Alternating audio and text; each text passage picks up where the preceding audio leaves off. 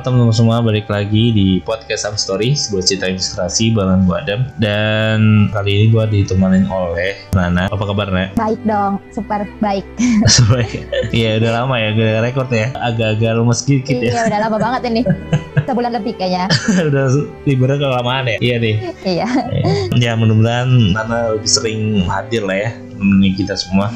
Di episode yang spesial kali ini ya mau peringati ulang tahun Indonesia nih Nah ya kemerdekaan. Iya. dan seperti biasa kita hadir untuk memberikan sesuatu yang spesial pastinya. Kalau tahun lalu kita ngobrol sama dubes RI untuk Republik Tiongkok dan juga ada juga mungkin dia praktisi di dunia bisnis dan juga jurnalis ya mungkin udah sering teman-teman lihat lah di TV ya jurnalis ya. Mungkin kali ini juga akan hadir gestar-gestar yang mungkin luar biasa juga dan sharing sesuatu yang pastinya spesial juga ya di episode kali ini kita akan membahas apa nih nah kira-kira Iya, kalau di episode kali ini nih kan kita mau tentang 17-an nih. Pastinya berhubungan dengan 17-an juga maksudnya dengan Indonesia juga. Iya. Jadi kita mau bahas topiknya itu mengenai semangat diaspora yang berada di luar negeri untuk membangun bangsa. Ini lumayan topiknya agak berat ya.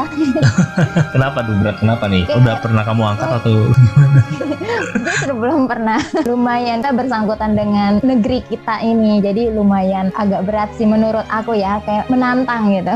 Ya, kali ini premisnya sebenarnya aku diskusi juga sama salah satu gestar yang pernah ngisi juga. Dan dia kuliahnya di Inggris gitu ya. Dan waktu itu kayak apa ya yang bisa kita angkat untuk spesial 17 Agustus ini dan ketemu deh tentang ini gitu. Semangat juang diaspora ini ya. Dan sebenarnya premisnya beberapa waktu yang lalu ada yang mungkin salah satu tokoh juga ya. Tokoh di salah satu organisasi yang besar juga di Indonesia. Dia diminta pulang untuk membangun bangsa gitu. Tapi dia ah, sama sama presiden ya ah, levelnya maksudnya. Dia diminta pulang sama presiden dan dia menolak karena melihat tidak maksudnya opportunity apa yang kira-kira ya dia bertanya balik ke presiden kira-kira apa opportunity apa yang bisa dia dapat. Terus juga dia juga pengen memberikan pendidikan yang bagus untuk anak-anaknya ketika dia balik ke Indonesia. Karena secara pendidikan bukan di Indonesia masih banyak yang tidak merata dan secara kualitas ya Eh, walaupun kan misalnya pendidikan Indonesia juga banyak yang bagus ya sekolah-sekolah cuman belum merata aja gitu ya. Terus ya lebih ke sana sih opportunity dan juga pendidikan yang pengen diberikan untuk anaknya sih premisnya dan sebenarnya aku melihat sudut pandangnya kira-kira walaupun kita kalau bisa jadi diaspora Indonesia ya walaupun kita nggak balik ke Indonesia maka tetap kita bisa tuh ngasih sesuatu gitu untuk membangun bangsa gitu walaupun kita di luar negeri gitu ya. Karena banyak berpikiran kalau misalnya ya diaspora kita banyak yang bagus-bagus ada yang mungkin kita pernah sering melihat ya kalau misalnya kita nonton film yang animator pasti di kreditnya tuh orang Indonesia gitu dan banyak banget talent-talenta kita yang mungkin lebih banyak kerjain di untuk perusahaan luar juga ya jadi sebenarnya bisa nggak sih kita sebagai misalnya kalau jadi diaspora Indonesia di luar negeri tinggalnya dan tetap bisa membangun bangsa gitu ya sebenarnya itu sih nak kira-kira yang mau kita bahas hari ini Oh, jadi kayak walaupun di luar negeri gitu, ada nggak sih tetap kontribusinya buat dalam negeri ini gitu? Ya gitu kan kak? Iya iya kurang lebih di episode episode kali ini nih kita kita seperti biasa kedatangan gestar yang akan kita ajak ngobrol bareng ya dan ini juga spesial lah kita datangin gestarnya. Beliau ada seorang profesor yang bernaung di salah satu university di Jepang. Oke, kita langsung kenalan aja ya. Ada Prof Jusapa. Halo Prof, apa kabar? Halo Mas Adam. Oke, apa kabar Prof? Baik-baik selalu. Ya, bagaimana semuanya di Indonesia? Semua mudah-mudahan sehat-sehat. Alhamdulillah baik. Alhamdulillah sehat. Sehat-sehat. Prof sekarang lagi sibuk apa nih Prof kira-kira saat ini? Kalau saat ini kebetulan karena saya sebagai kepala jurusan di Chiba University ya, jurus, Yeah. tepatnya jurusan Environmental Remote Sensing adalah untuk persiapan ini ya, penerimaan mahasiswa baru mulai Oktober dan April tahun depan. Dan di dalamnya juga ada beberapa staf dari Indonesia ya, khususnya dari BRIN yang akan belajar Hmm. di eh, tempat kami untuk program doktor dan master ya khususnya ya. Jadi mahasiswa Prof di dari Indonesia banyak juga ya Prof ya? Sampai sekarang cukup banyak ya. Ya. Mungkin sudah ada sekitar 20 mahasiswa yang sudah lulus doktor dari lab saya dan eh, banyak yang sudah kembali ke Indonesia, universitas-universitas Indonesia, kemudian lembaga penelitian Indonesia. Ya, saya kira mereka sudah mulai bisa untuk berkontribusi untuk Indonesia ya setelah lulus dari lab saya. Amin siap siap siap luar biasa Prof. Terus mungkin saat ini selain mungkin persiapan untuk mahasiswa baru bulan Oktober ya berarti ya tahun ini kira-kira apa lagi nih Prof Eh, kesibukannya ada yang diteliti atau ada project apa nih Prof kira-kira? Ya, kalau di lab saya kebetulan kami mengembangkan synthetic aperture radar ya. Itu adalah radar yang digunakan untuk monitoring permukaan bumi, khususnya untuk eh, di sini untuk pengamatan perubahan eh, lingkungan serta ben- kebencanaan ya khususnya. Karena radar yang kami buat ini sangat sensitif dan sangat akurat ya untuk kita bisa mengekstrak atau mendapatkan informasi perubahan permukaan tanah. Misalnya satu tahun itu berubah satu mili pun kita bisa mengamati ya. Jadi kita bisa manfaatkan untuk uh, melakukan meramal ya, meramalkan perubahan permukaan tanah. Itu artinya adalah kan kita hidup di permukaan tanah kan ya. Jadi Ya. kehidupan kita jadi perkotaan, infrastruktur yang telah dibangun oleh pemerintah Indonesia, kemudian juga daerah-daerah yang sekiranya ke depan itu akan terjadi tanah longsor, itu uh, bisa kita prediksikan sehingga nanti kita Hmm. bisa kurang ini ya korban karena bencana juga kerusakan lingkungan itu kita bisa amati lebih jauh dan itu radar yang saya buat itu kebetulan bisa dipasang di drone ya. Hmm. kemudian di pesawat kebetulan sudah juga dipasang di pesawat TNI AU ya. Itu salah satu kontribusi saya juga ya. Pesawat CN235 Boeing satelit ya untuk monitoring permukaan bumi. Ini baru yang ini ya. Kebetulan saya juga kontribusi untuk misalnya desain-desain satelit untuk 8 ya dulu sekarang menjadi BRIN. Kemudian Hmm. untuk European Space Agency Taiwan Aerospace Agency Korean Aerospace Agency kemudian juga Jepang ya. Termasuk sebenarnya ada beberapa satelit ya yang sudah meluncur selama saat ini. Ya itu jadi orang Indonesia tidak hanya kontribusi untuk Indonesia saja gitu tapi untuk dunia ya. Saya pikiran untuk dunia. Jadi kalau kita udah mikir dunia itu untuk Indonesia juga. Tapi sebenarnya tidak untuk Indo- dunia saja karena saya juga mendesainkan atau membuatkan satelit untuk mapping bulan ya. Hmm. karena kita harus memetakan bulan karena kita akan meluncurkan orang ya untuk nanti bisa membuat koloni di bulan. Karena kenapa kita harus ke bulan gitu? Karena bulan itu nanti jadikan terminal ya untuk kita bisa meluncurkan roket-roket lain. Mungkin tahu gravitasi? Tahu, gravitasi bulan kan seper mungkin seperenam ya dari bumi kan ya. Jadi eh, kita Hmm. bisa eh, meluncurkan roket lebih efisien lebih murah itu kalau kita luncurkan dari bulan. Jadi nanti kita pasang di sana sebagai terminal untuk kita nanti mengeksplor planet lain planet lain ya. Khususnya yang pertama adalah kita harus pindah ke Venus ya. Jadi itu juga untuk mapping Venus itu menggunakan salah satunya adalah radar yang saya kembangkan. Kenapa radar? Karena radar yang saya buat ini bisa menembus awan ya eh, asap dan juga bisa dioperasikan pada malam hari. Kalau kita menggunakan sensor optik saja itu hanya siang hari aja kan ya. Kita Iya. bisa melakukan ini. Seperti kamera itu kan kalau nggak ada terang nggak ada lampu gitu kan kita menggunakan blitz ya. Iya. Eh, kita nggak mungkin kan ya menggunakan blitz dari ketinggian 500 km kan ya.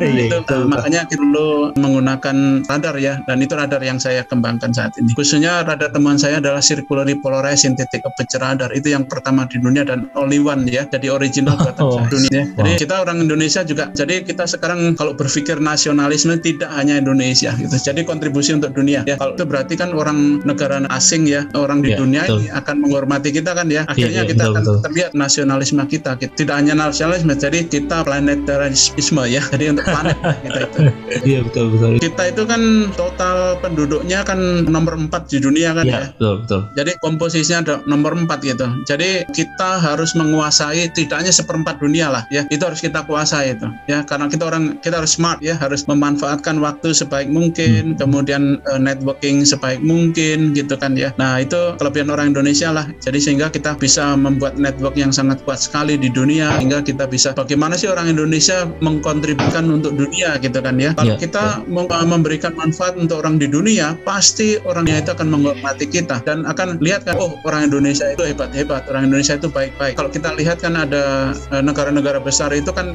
inginnya menang sendiri kan ya kita Iya, jangan betul. kita orang Indonesia harus bagaimana memberikan solusi bukan malah membuat jadi masalah ya Eh, Ya, se- ya. tambah-tambah masalah seperti perang-perang sekarang ini gitu kan ya malah bukannya perangnya berhenti gitu tapi malah tambah besar kan ya Iya benar udah disamperin pada sama presiden ya. Eh, memberikan solusi lah ya Iya betul betul betul. betul. bukan saya sehari-hari ya Iya luar biasa Prof. Saya apa ya, anak muda gitu ya. Jadi mentalitas kita mungkin sebagai anak muda harus diubah ya mindsetnya. Tidak hanya sekedar ya, bisa sukses di dalam negeri saja, tapi mental sudah bisa mendunia gitu ya Prof ya. ya harus kuasai dunia nih Iya ya. betul. menguasai maksudnya adalah bagaimana kita bermanfaat untuk orang di dunia ya. Jangan Iya, hanya untuk diri saja untuk mikir diri kita sendiri untuk keluarga kita jangan gitu. Kita harus berpikir untuk bagaimana sih untuk dunia ini. Setiap orang pasti mempunyai kemampuan sendiri-sendiri ya. Kita harus explore itu. Sampai sendiri juga semua dari awalnya dari Indonesia semua gitu kan ya. Iya. dari teman-teman saya juga itu belajarnya saya suka bermain suka berantem waktu SD gitu kan ya saya anak kolong kan ya suka berantem deh Oke. jadi dari situ belajar banyak sekali saya ya Betul, betul, betul. Saya tadi luar biasa banget pengen sudah Prof buat gitu ya. Bahkan tidak hanya mentalitas dunia, Prof sudah mikir untuk alam semesta ya Prof ya. Kita nih mungkin akan pindah ke planet lain, ke bulan, ke Venus bahkan tadi ada visinya untuk ke Mars karena juga mungkin saya lihat beberapa yang sudah bersaing juga ya untuk kayak Elon Musk dengan SpaceX terus juga untuk Jeff Bezos ya dengan tentunya juga perusahaan untuk penerbangan bulan dan bahkan ke Mars gitu ya. Mungkin Prof ya banyak banget nih Prof. Tadi Prof juga juga sudah menyinggung bahwa sebenarnya warga negara kita tuh banyak banget ya yang di luar negeri gitu ya. Bahkan penduduk asli kita aja kan udah seperempat dunia, ada nomor empat gitu ya. Kira-kira kenapa sih Prof? Kira-kira orang Indonesia ini banyak yang lebih memilih menetap di luar negeri gitu kan ada yang mungkin ada yang bekerja, ada yang kuliah, ada profesor sebagai peneliti gitu ya. Apakah di Indonesia opportunity-nya itu kurang baik atau memang lebih baik kita terjun langsung ke belahan dunia lain untuk bisa mencapai visi tadi Prof untuk membuat Indonesia mendunia begitu Prof. Kira-kira gimana? saya mungkin sebagai pribadi aja ya. Ya. Kalau saya pribadi kebetulan saya menjadi diaspora sejak tahun 1990 ya. Jadi sudah 32 tahun ini sudah jalan 33 tahun kan ya. Ya. Ya. Jadi saya tinggal di Jepang dan pindah-pindah kota dan lain-lain sehingga nikah, kemudian juga anak saya dan sekarang juga anak saya kebetulan perguruan tinggi ya, di Tokyo ya juga sekarang mudah-mudahan bulan Maret nanti ya tahun depan itu lulus cum laude eh, tiga tahun eh, Amin. Tokyo ya. Itu juga ke anak saya sendiri juga saya ajarkan mengenai Indonesia. Bahkan maaf mungkin berbeda dengan diaspora lain ya. Kalau saya tetap ingin keluarga saya tetap punya basic atau dasar sebagai orang Indonesia. Itu makanya anak saya waktu kecil ya itu saya kirim ke Indonesia hingga kelas 3 kalau nggak salah. Kelas 3 SD itu belajar di Indonesia. Agar tahu apa? Budaya Indonesia ya. Budaya Indonesia bahasa Indonesia. Kenapa? Bahasa itu anak itu akan bahasa yang menjadi bahasa ibu itu akan Ya. nempel itu kalau umur lebih dari enam tahun. Ya jadi anak saya dari lahir di sini kemudian umur satu tahun ya satu setengah tahun kalau nggak dan itu kembali ke Indonesia kemudian belajar di Indonesia. Jadi bahasa Indonesia juga cukup bagus gitu kan ya. Dan itu menjadi bahasa ibu gitu. Kemudian budaya ya. Nah budaya Indonesia itu walaupun mungkin maaf ke amburadul ya kalau ya tapi tidak masalah gitu. Itu itu budaya kita gitu kan ya. Harus kita enjoy aja lah kita. Anu kita cari yang kita dapatkan yang bagus-bagus. Nah anak saya kemudian udah tahu dan bisa enjoy di Indonesia kemudian kelas 3 SD saya ajak kemari lagi kemudian hingga SMA SMA pun kemudian agar makin budaya Indonesia saya kembalikan sekolah di Indonesia anak saya Eh, jadi bahasa Jepang, bahasa Indonesia, bahasa Inggrisnya kebetulan bahasa Inggris di kan sekolahnya di Bandung International School ya. Oh, ya. Karena istri saya dosen di ITB juga gitu kan ya. Oh, Oke. Kemudian akhirnya pinter bahasa tiga bahasa. Walaupun sekarang juga sudah bisa bahasa eh, Chinese juga gitu kan. Jadi empat bahasa ya. Jadi kalau di keluarga di keluarga saya itu syaratnya adalah lebih dari tiga bahasa harus menguasai. siap siap siap. Nah, ini sebagai diaspora ya. Kemudian, oke kalau kita bicara mengenai orang lain, nah, harus kita hormatin juga. Karena setiap orang kan punya cita-cita ya semua dan Ya, betul. untuk mengembangkan diri itu anu terserah lah itu anu kita hormati semua gitu. Walaupun ada yang mungkin hanya alasan pribadi gitu juga ada untuk anak sekolahnya biar mendapatkan pendidikan yang lebih bagus dan lain-lain. Oke itu kita hormati saja. Ya hanya kalau saya pribadi saya kira setiap orang punya cita-cita kan ya. Punya impian punya cita-cita keinginan dan lain-lain kan ya. Nah Ya. itu kalau ingin tinggal di sini hanya karena masalah ekonomi juga ada. Karena pendidikan untuk anak juga ada. Untuk pekerjaan yang stabil. Juga ada. Kalau saya pribadi adalah agar hobi saya ter, eh, tersalurkan kalau saya. Ya.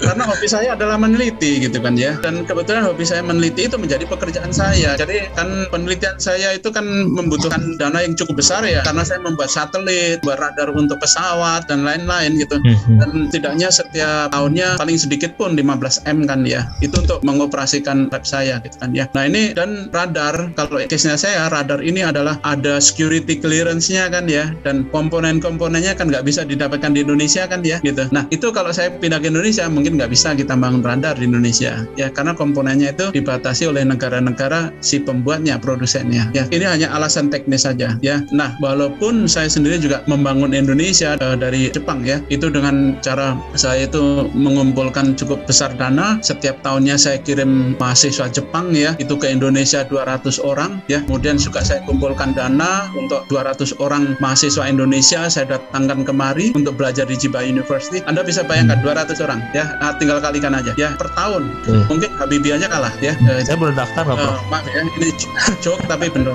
Ya. itu walaupun nggak kelihatan lah, tapi ini saya sampaikan di sini. Iya, siap. Karena apa? Saya inginnya itu orang Indonesia juga belajar dari orang Jepang. Ya setidaknya ya. Kemudian Ya. eh, orang Indonesia juga langsung belajar di sini juga. Kemudian saya sendiri juga mengajar di sebagai visiting professor di 17 universitas di Indonesia. Kemudian kalau saya juga Hmm. kebetulan di UNS eh, sebagai dosen ininya eh, tetapnya ya. Jadi saya tetap juga kenapa saya pilih eh, UNS ya? Karena saya dibesarkan di Solo ya. Ayah saya Oh, kan oke. eh, angkatan udara ya sehingga saya ingin mungkin di di desa ya jauh dari ibu kota gitu tapi saya pilih ini walaupun ada tawaran dari universitas-universitas terkenal di Indonesia tapi saya ingin start dari tempat saya dibesarkan gitu kan ya ini Ya. kontribusinya lah ya itu juga kemudian dari staff-staff dari UNS mahasiswa dari UNS itu saya minta belajar di sini juga gitu kan ya. Jadi sehingga suatu saat kita itu akan sama atau lebih dari Jepang ya. Itu target saya. Mungkin ini target saya mungkin lima tahun 10 tahun yang akan datang. Karena saya pensiun 13 tahun lagi kan ya. Jadi setidaknya saya ingin melihat itu. Pas saat pensiun itu saya ingin melihat hasil saya ya. Orang-orang yang sudah saya kirim kemari kemudian orang Jepang yang sudah saya kirim ke Indonesia itu juga akan tahu ya. Dan saya kemarin juga ini salah satu contoh aja juga ada mahasiswa Jepang. Kemarin juga sangat senang sekali eh, bilang ke saya gitu. Karena saya kirim ke UI ya waktu itu kebetulan kenalan dengan orang Jepang yang belajar di UI juga akhirnya mendapat pekerjaan di Indonesia di Cikarang gitu kan. Orang Jepang ya gitu. Nah ini kan berarti saya juga membantu orang Jepang sendiri terus orang Jepangnya sendiri juga membantu Indonesia kan ya kalau Iya. bekerja di Indonesia. Itu mungkin rentetan-rentetan demikian itu. Mungkin dari setiap tahun 200 orang itu bisa anda bayangkan itu ya. Itu nanti 10 tahun mudah-mudahan 10 tahun ke depan Indonesia bisa masuk ke negara yang superpower lah ya. Nah, kita lihat kita nomor 4 di dunia ya. Tapi kok kenapa kita nggak bisa masuk? Padahal nomor satu Amerika ya kan? Ya, Iya, yang iya. paling besar ada Cina kan ya. Cina, Cina. sudah superpower sekarang. Nomor dua jumlah penduduknya adalah Amerika. Amerika superpower. Ya, kemudian yang ketiga adalah India. Ya, India juga superpower kan dari sisi teknologinya kan ya. Dan nomor Ya. empat kita di nomor 20 pun nggak masuk loh ya. Saya baru aja baca tadi negara yang ini superpower di dunia ya, 20 Ya. superpower. Mhm. Kita nggak masuk sama sekali gitu kan. Ini kan ada sesuatu yang mungkin salah ya dalam kita memanage negara kita ya. Jadi negara-negara yang baru merdeka 20 tahun, 30 tahun yang lalu itu sudah nyalip kan ya. Bahkan Singapura pun masuk di dalam 20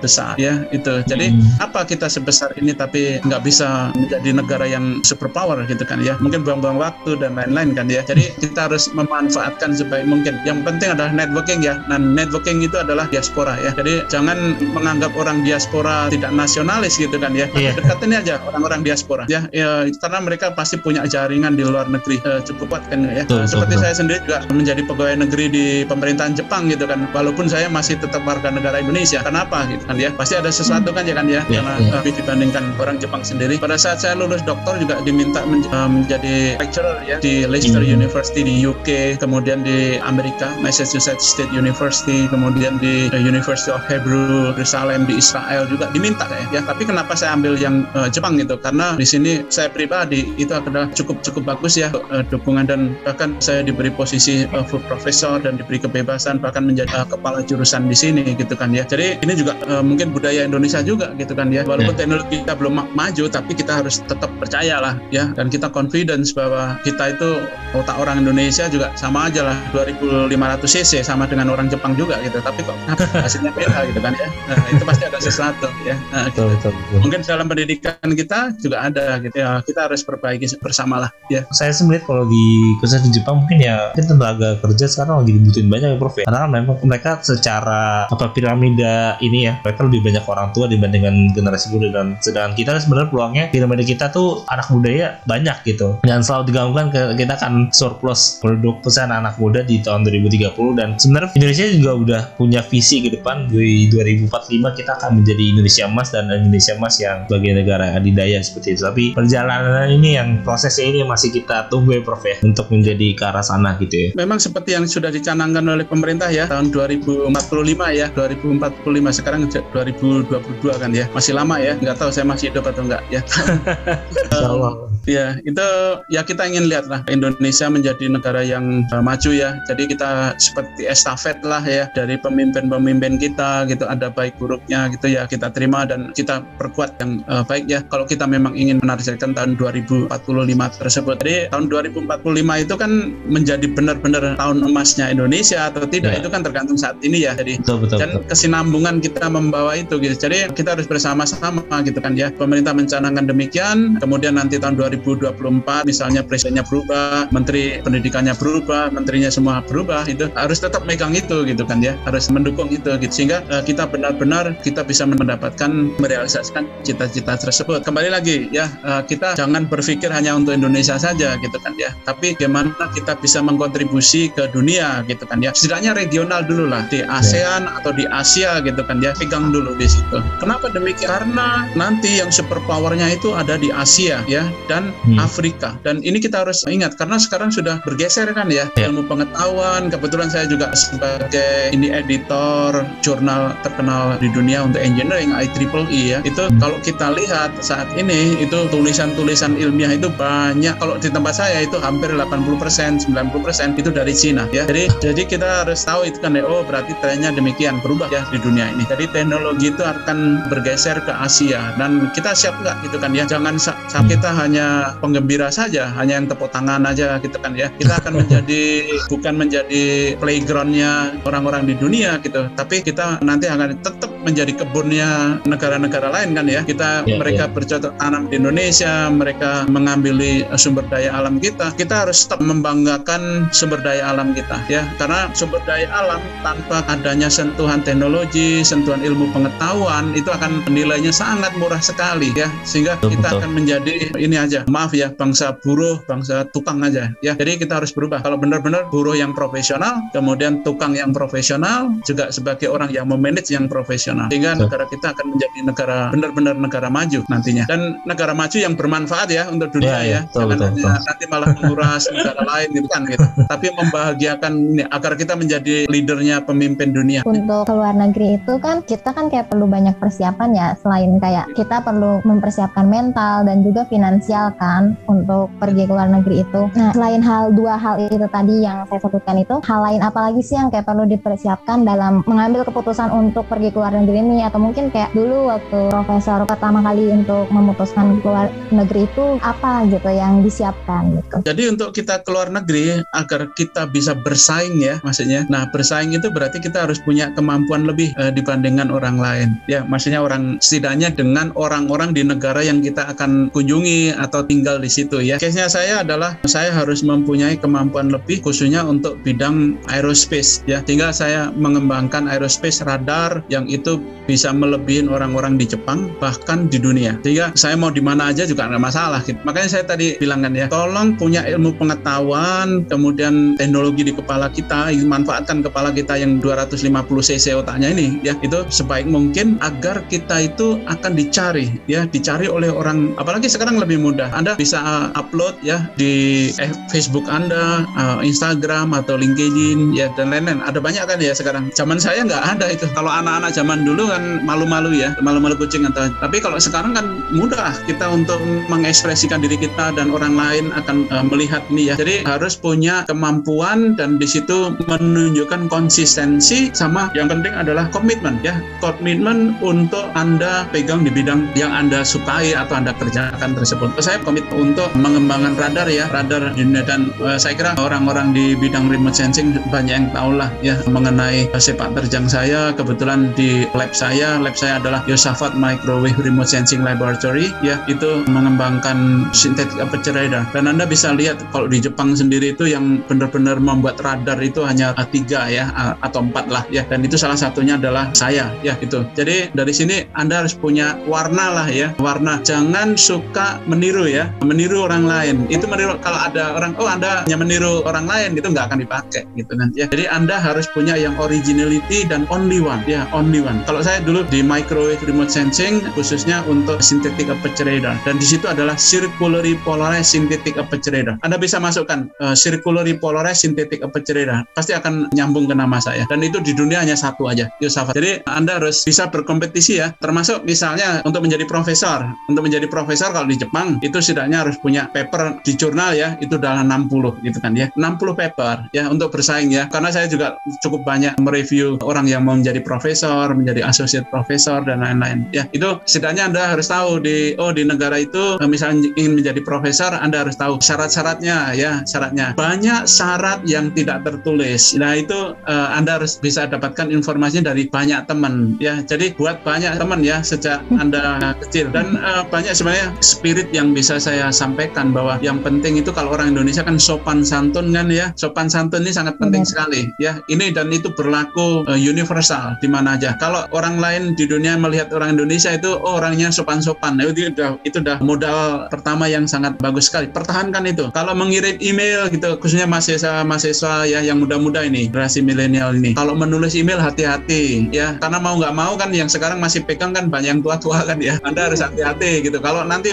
anda pegang silahkan nanti anda buat generasi tapi sekarang kan masih yang banyak tua. Jadi anda harus perhatikan gitu. Jadi cara ngemail cara berkomunikasi harus tetap sopan dulu ya. Nanti nggak sopan nggak masalah gitu tapi awal-awal sopan dulu lah. Menghargai orang lain kemudian banyak terima kasih ya. Banyak terima kasih. Kalau ada apa-apa terima kasih. Itu sangat penting sekali. Ini ini pengalaman saya uh, pribadi ya. Hingga saya bisa menjadi full profesor udah mentok. Sekarang udah nggak ada lagi jabatan di atas lagi. Itu juga karena banyak terima kasih lah. Uh, mau dimarahin terima kasih aja dulu. Manfaatkan itu. Jangan marah. Karena dengan marah itu akan membuat image anda uh, buruk lah ya. Anda harus menjaga diri sebaik mungkin ya uh, di masa-masa anda meniti karir ya. Apalagi anda ingin berkarir di luar negeri gitu kan ya. Karena apalagi sekarang mudah sekali ya orang di satu bidang khususnya itu misalnya sudah anda mempunyai image buruk itu akan disampaikan ke yang lain. Anda nggak akan tahu itu ya. Dan sebaliknya kalau hal baik itu pasti akan juga menyebar baik dan itu akan memberikan nilai plus untuk diri anda. Kebetulan salah satu profesor dulu profesor terkenal ya di bidang micro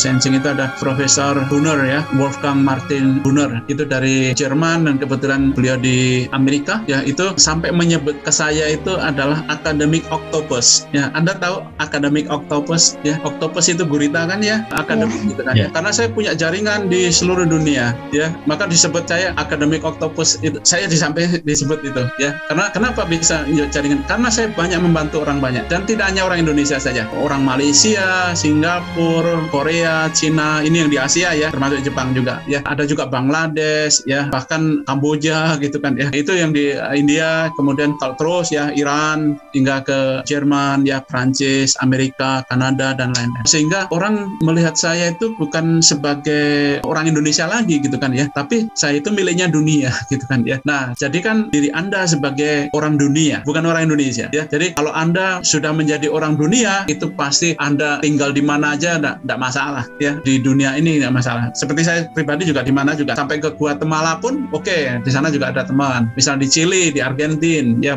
Anggap saja dunia ini adalah rumah kita, bener-bener rumah kita gitu kan ya. Anda ke mana aja pasti banyak teman. Apalagi kalau di Indonesia gitu kan ya. Kalau di Indonesia saya kemarin naik taksi aja tahu gitu kan. Sampai dia naik taksi aja dari suara saya tahu gitu kan ya. Kenapa Bapak tahu gitu? Karena pernah di Kick Andy gitu kan. Oh, ada juga orang yang ingat gitu kan. pakai masker, pakai topi gitu kan ya. Nah, ini kan walaupun kadang-kadang secara privacy juga terganggu juga gitu kan ya. oh, ternyata ya saya benar-benar dunia ini sudah menjadi milik saya gitu kan ya. Ini bukan masalah bercinta ya. Yep. Untuk menjadi orang yang mendunia berarti kayak kita harus punya kemampuan yang mendunia juga gitu. Ya ya ya pasti. Jadi sebaik mungkin dari sejak muda mulai dimulai ya. Jangan maaf kalau saya dulu sudah mulainya sejak umur 18 ya, lulus SMA terus kemudian langsung ke Jepang, bahasa Jepang hmm. satu tahun, kemudian di Kanazawa University, S1, S2-nya, S3 di Chiba University, kemudian ini ya jadi lecturer, associate professor dan profesor. Dan itu loncat-loncat dan waktu associate saya kebetulan umur 34 tahun. Ya, itu untuk umur 40-an itu biasanya. Untuk kemudian menjadi full professor itu umur 42 tahun ya. Jadi kalau bisa jabatan-jabatan itu Anda dapatkan pas umur-umur muda lah. Jadi Anda ngirit waktu. Jadi bisa enjoy sekarang. Karena apa? Dengan situ Anda semakin banyak teman, semakin enjoy gitu kan ya nggak stres. Jangan berikan kesempatan stres untuk diri Anda. Itu harus berhasil. Nah, terus kan tadi sebelumnya juga sama Kak Adam udah ngomongin juga nih soal peluang dari ke luar negeri itu juga terus ya. untuk uh, yang memberikan untuk kontribusi ke Indonesia dan juga bahkan ke dunia gitu kan. Nah, kalau menurut profesor ini kayak peran apa sih yang bisa dilakukan diaspora Indonesia walaupun uh, di luar negeri itu membangun negeri gitu. Oke, okay, saya kira banyak sekali ya, khususnya di masing-masing bidang aja. Itu asal dihubungkan dengan Indonesia, itu pasti Indonesia pasti membutuhkan kan ya, baik itu di bidang engineering, ekonomi, sosial, ya saya kira semua membutuhkan ya, khususnya kalau sudah profesional ya, kalau sudah bekerja di bidang masing-masing ya, ada yang menjadi misalnya konsultan gitu kan ya, seperti anak saya sendiri waktu SMA itu sudah membuat perusahaan dia, membuat konsultan company ya, itu termasuk untuk membangun kincir angin untuk pembangkit listrik di Indonesia. Itu anak SMA ya. Anak saya anak saya itu uh, kerjasama Orang dengan bapaknya ini.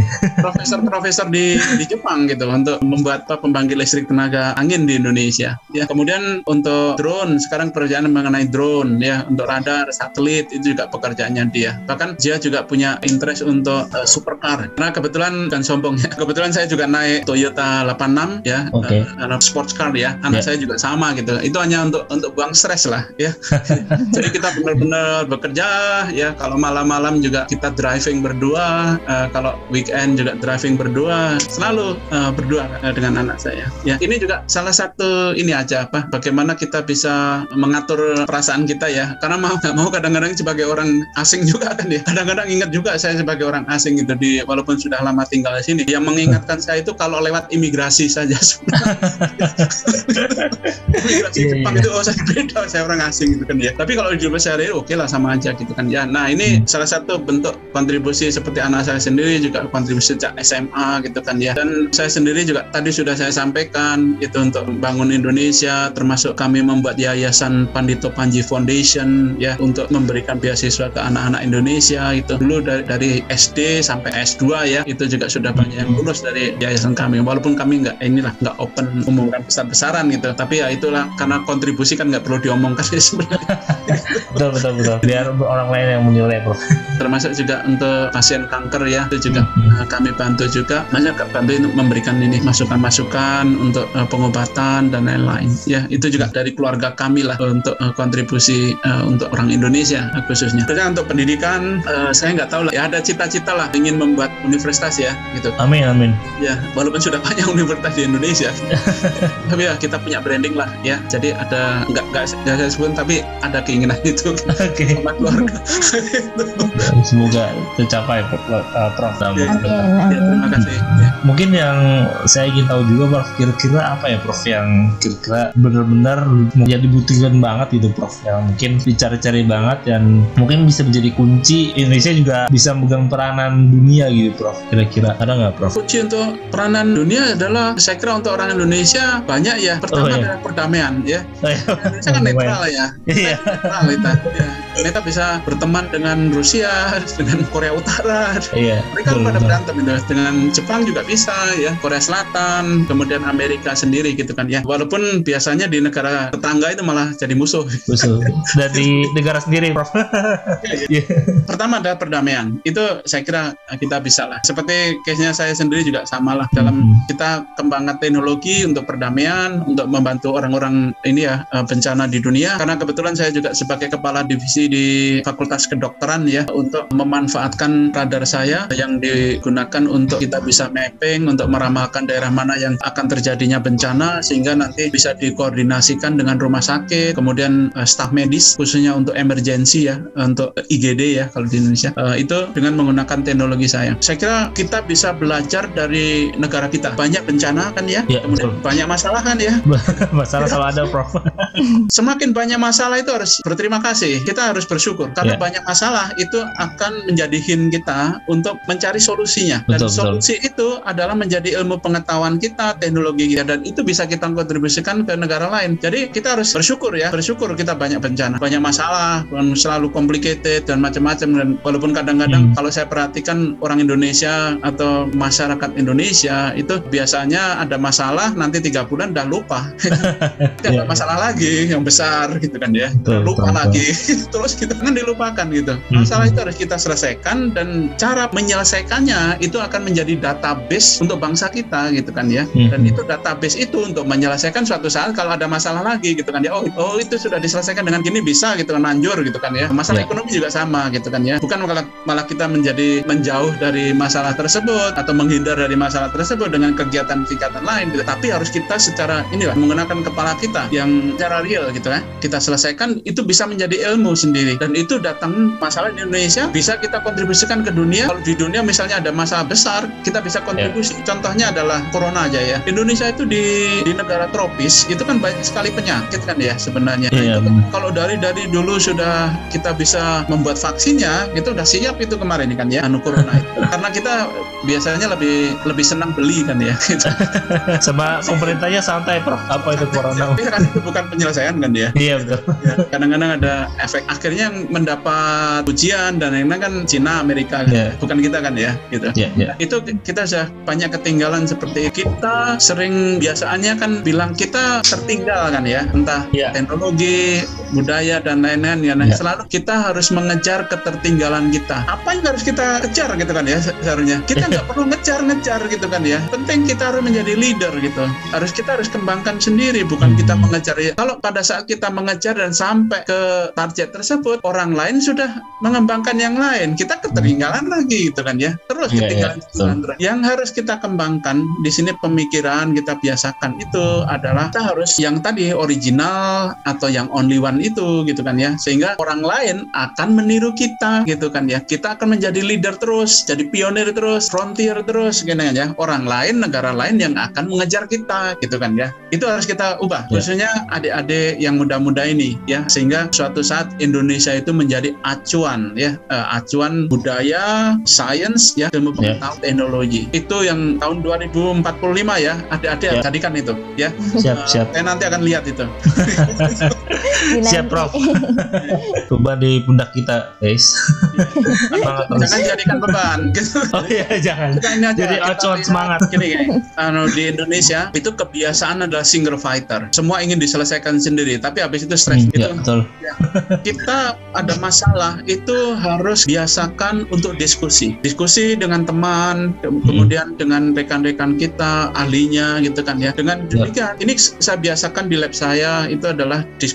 Dengan diskusi itu satu masalah itu bisa diselesaikan tidak hanya dengan satu kepala saja gitu. Tidak hanya dengan satu metode saja, tapi dengan banyak metode bahkan kita akan menemukan metode baru. Nah, Hmm, hmm, itu yang paling penting. Jadi biasakan kita harus selalu berdiskusi dan itu menjadi hasil bersama, bukan untuk single fighter. Ya orang Indonesia single fighter. Saya perhatikan juga mahasiswa-mahasiswa Indonesia inginnya dia sendiri yang ini dan ingin cara dapat nama sendiri gitu. Bukan. Ya. Hmm, hmm. Ka- Kalau anda perhatikan nama di paper-paper saya, semua semua panjang. Uh, banyak sekali karena saya banyak teman gitu kan ya. Dan semua saya sering ngobrol dengan mereka gitu kan ya. Yeah, jadi yeah. semua saya pasang di situ gitu kan. Karena saya ingin hormati waktu saya sudah meninggal pun gitu itu menjadi catatan dunia bahwa Yosafat itu banyak temannya. Gitu. menjadi budaya kita lah ya etik kita lah untuk ke depan. Itu mudah-mudahan bisa menjadi contoh untuk negara-negara lain yang biasanya single fighter dan ingin menang sendiri. Motivasi juga untuk anak-anak muda kita ya. Mungkin ini Prof saya pengen tahu lagi Prof kira-kira selama Prof di Jepang gitu ya kira-kira Prof dapat support apa aja nih kira-kira dari pemerintah Jepang Prof kira-kira? Kalau supportnya sendiri sebenarnya tergantung orangnya juga ya support itu. Karena uh, kebetulan saya juga punya network cukup banyak di juga di Jepang ya. Jadi ada dari pemerintah Jepang dari perusahaan Jepang dari teman saya sendiri ya teman-teman saya sendiri gitu kan ya. Kalau dari pemerintah Jepang kebetulan saya membuatkan uh, satelit SAR ya yang kecil yang biasanya beratnya satu ton lebih dari satu ton itu saya buat 150 kg itu akan membuat mudah kan ya? Uh, murah ya? Uh, sehingga ini akan memberikan kontribusi cukup besar untuk ekonomi Jepang juga. Demikian juga temuan-temuan saya cukup banyak yang itu juga diadopsi uh, oleh uh, cukup banyak perusahaan ya di Jepang. Dan temuan saya itu kan bisa berarti akan mengaktifkan industri mereka kan ya? Yeah, akan yeah. bisa kontribusi kepada ketenaga kerjaan mereka kan ya? Dan tenaga kerja yang menggunakan teknologi saya kan bukan tenaga kerja biasa gitu kan ya? Yeah, tapi betul, betul. yang smart dan mereka high high level high educated ini kan ya. Sehingga gaji mereka kan semakin besar juga kan ya. Dan itu mudah-mudahan bisa juga di, dilakukan di Indonesia ya. Walaupun saya juga sering ngomong ya tapi direalisasikan ternyata nggak tahu lah. Okay. nah, tapi setidaknya saya sudah kalau saya berpikir apa kontribusi saya kepada Jepang pada Indonesia dan lain-lainnya yeah. kalau saya mendapatkan sendiri itu udah inilah feedbacknya itu udah ya terserah lah ya. Tapi biasanya juga cukup besar ya. Untuk tadi saya di awal tadi saya sampaikan bahwa untuk memanage saya kan cukup besar juga. Dananya dan itu banyak tawaran dari pemerintah Jepang juga ya. Walaupun awal-awalnya saya dulu untuk saya ajukan proposal itu dalam satu tahun itu ada seingat saya ada yang paling banyak 58 proposal. Wow. setiap minggu saya masukkan proposal dulu. Itu di awal-awal saya masih belum dikenal lah ya. Setiap minggu saya sampaikan. Tapi setelah itu uh, mulai terkenal dan ini kemudian sekarang sebaliknya bahwa dari pemerintah Jepang ada tawaran nih tolong masukkan proposal ini gitu kan ya. Lima lembar aja gitu. Dapat 15 m gitu. Lumayan kan? Trust ya kepercayaan. Yeah. itu anda harus baik. Itu ini pengalaman saya ya. Uh, jadi uh, kita harus uh, trust ya. Trust uh, sangat penting. Oke okay, luar biasa banget. Saya pengen tahu juga nih nanti ya kalau ketika profesor lima tahun lagi nih terus ngedengerin podcast ini perubahan apa sih yang udah terjadi atau yang diharapkan tuh profesor ingin lihat yang seperti apa gitu dalam lima tahun ke depan gitu. oke okay, kalau lima tahun ke depan saya saya harapkan ya yang muda-muda ini sudah bisa memegang banyak kendali ya. Tidak hanya khususnya di Indonesia ya. Tapi dapat mungkin hmm. banyak mungkin yang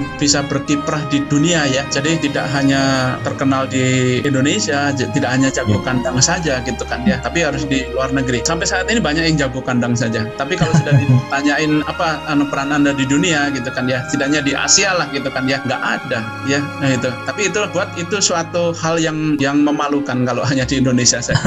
Ya. kita kita harus berperan jadi adik-adik khususnya yang sekarang di kalau lima tahun yang ke depan berarti yang sekarang SMA kelas 2, kelas 3 kan ya. Hmm. Nah, itu adik-adik ini itu dan yang sekarang di perguruan tinggi itu harus sudah berpikir bagaimana kontribusi kita kepada dunia. Karena kalau kita sudah di dunia itu berarti kita kan Indonesia itu kan bagian dari dunia kan ya. Kalau Anda bisa kontribusi di dunia, Anda berarti juga kontribusi kepada Indonesia. Karena mau nggak mau kan keluarga kita di Indonesia kan ya gitu. Iya. Anda kan biasanya Anda bahagia kan juga akan ngirim uang ke orang tua Anda. Benar.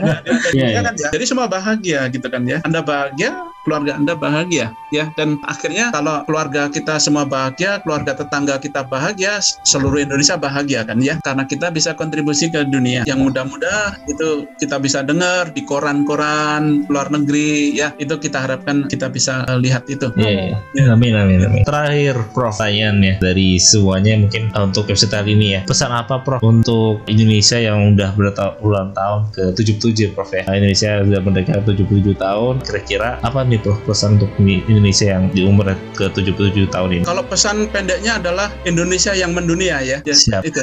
Siap, luar itu biasa aja, banget. Ya, ya, itu aja. Sekarang kita harus persiapkan generasi kita untuk mendunia, bukan untuk di Indonesia saja. Karena kita jadikan yang namanya sekarang planet bumi itu menjadi planet Indonesia ya. Wow. ya.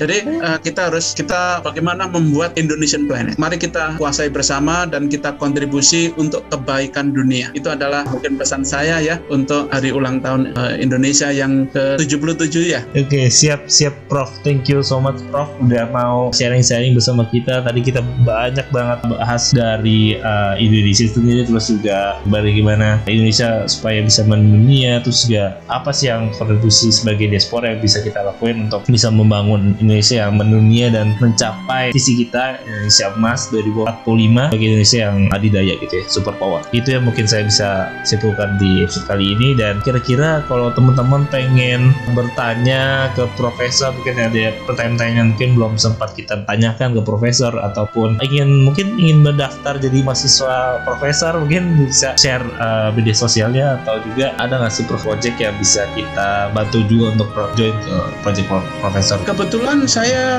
cukup aktif Facebook ya. Saya ada dua Facebook silahkan add di situ. Hanya yang satunya sudah 5000 orang. Oke. Okay. jadi mohon add yang satu lagi ya atau follow ya. Itu silahkan itu hampir setiap hari saya upload ya eh, kegiatan saya khususnya kegiatan riset lah. Karena itu menjadi catatan saya suatu saat kalau saya meninggal juga silahkan lihatlah kontribusi saya selama ini di situ ya. Termasuk catatan harian saya khususnya untuk anak saya ya termasuk saya uh, masak dan lain-lain untuk anak saya. Kemudian di ada juga Instagram Insta, uh, sama LinkedIn ya LinkedIn. Yeah. di homepage-nya Ciba University juga ada silahkan kontak. Ada email addressnya di situ juga ya itu uh, silahkan uh, mudah-mudahan uh, saya juga uh, cepat nanti untuk uh, membantu username apa Prof untuk Facebook dan Instagram mungkin. C Tetuko SS saja teman-teman bisa follow tadi Instagramnya Profesor? Untuk ng ngikutin kegiatannya Profesor dan di situ juga ada websitenya juga nih kalau kalau pengen tahu tutup kegiatannya di Ciba okay. University ya. Oke okay, tuh teman-teman yang lain bisa banget tuh mengikuti apa follow Profesor ya di Facebook atau Instagram untuk memotivasi diri sendiri juga gitu kan untuk berkontribusi pada dunia nah kalau ada teman-teman yang ingin bekerja sama atau ada ide untuk konten podcast Some Story selanjutnya, hit us up on Instagram at podcast underscore some story dan juga bisa melalui email kita podcast some story at gmail.com. Thank you buat teman-teman semua yang sudah mendengarkan podcast some story spesial kali ini bersama Profesor uh, Sapat and see you on the next episode. Dadah. Dadah.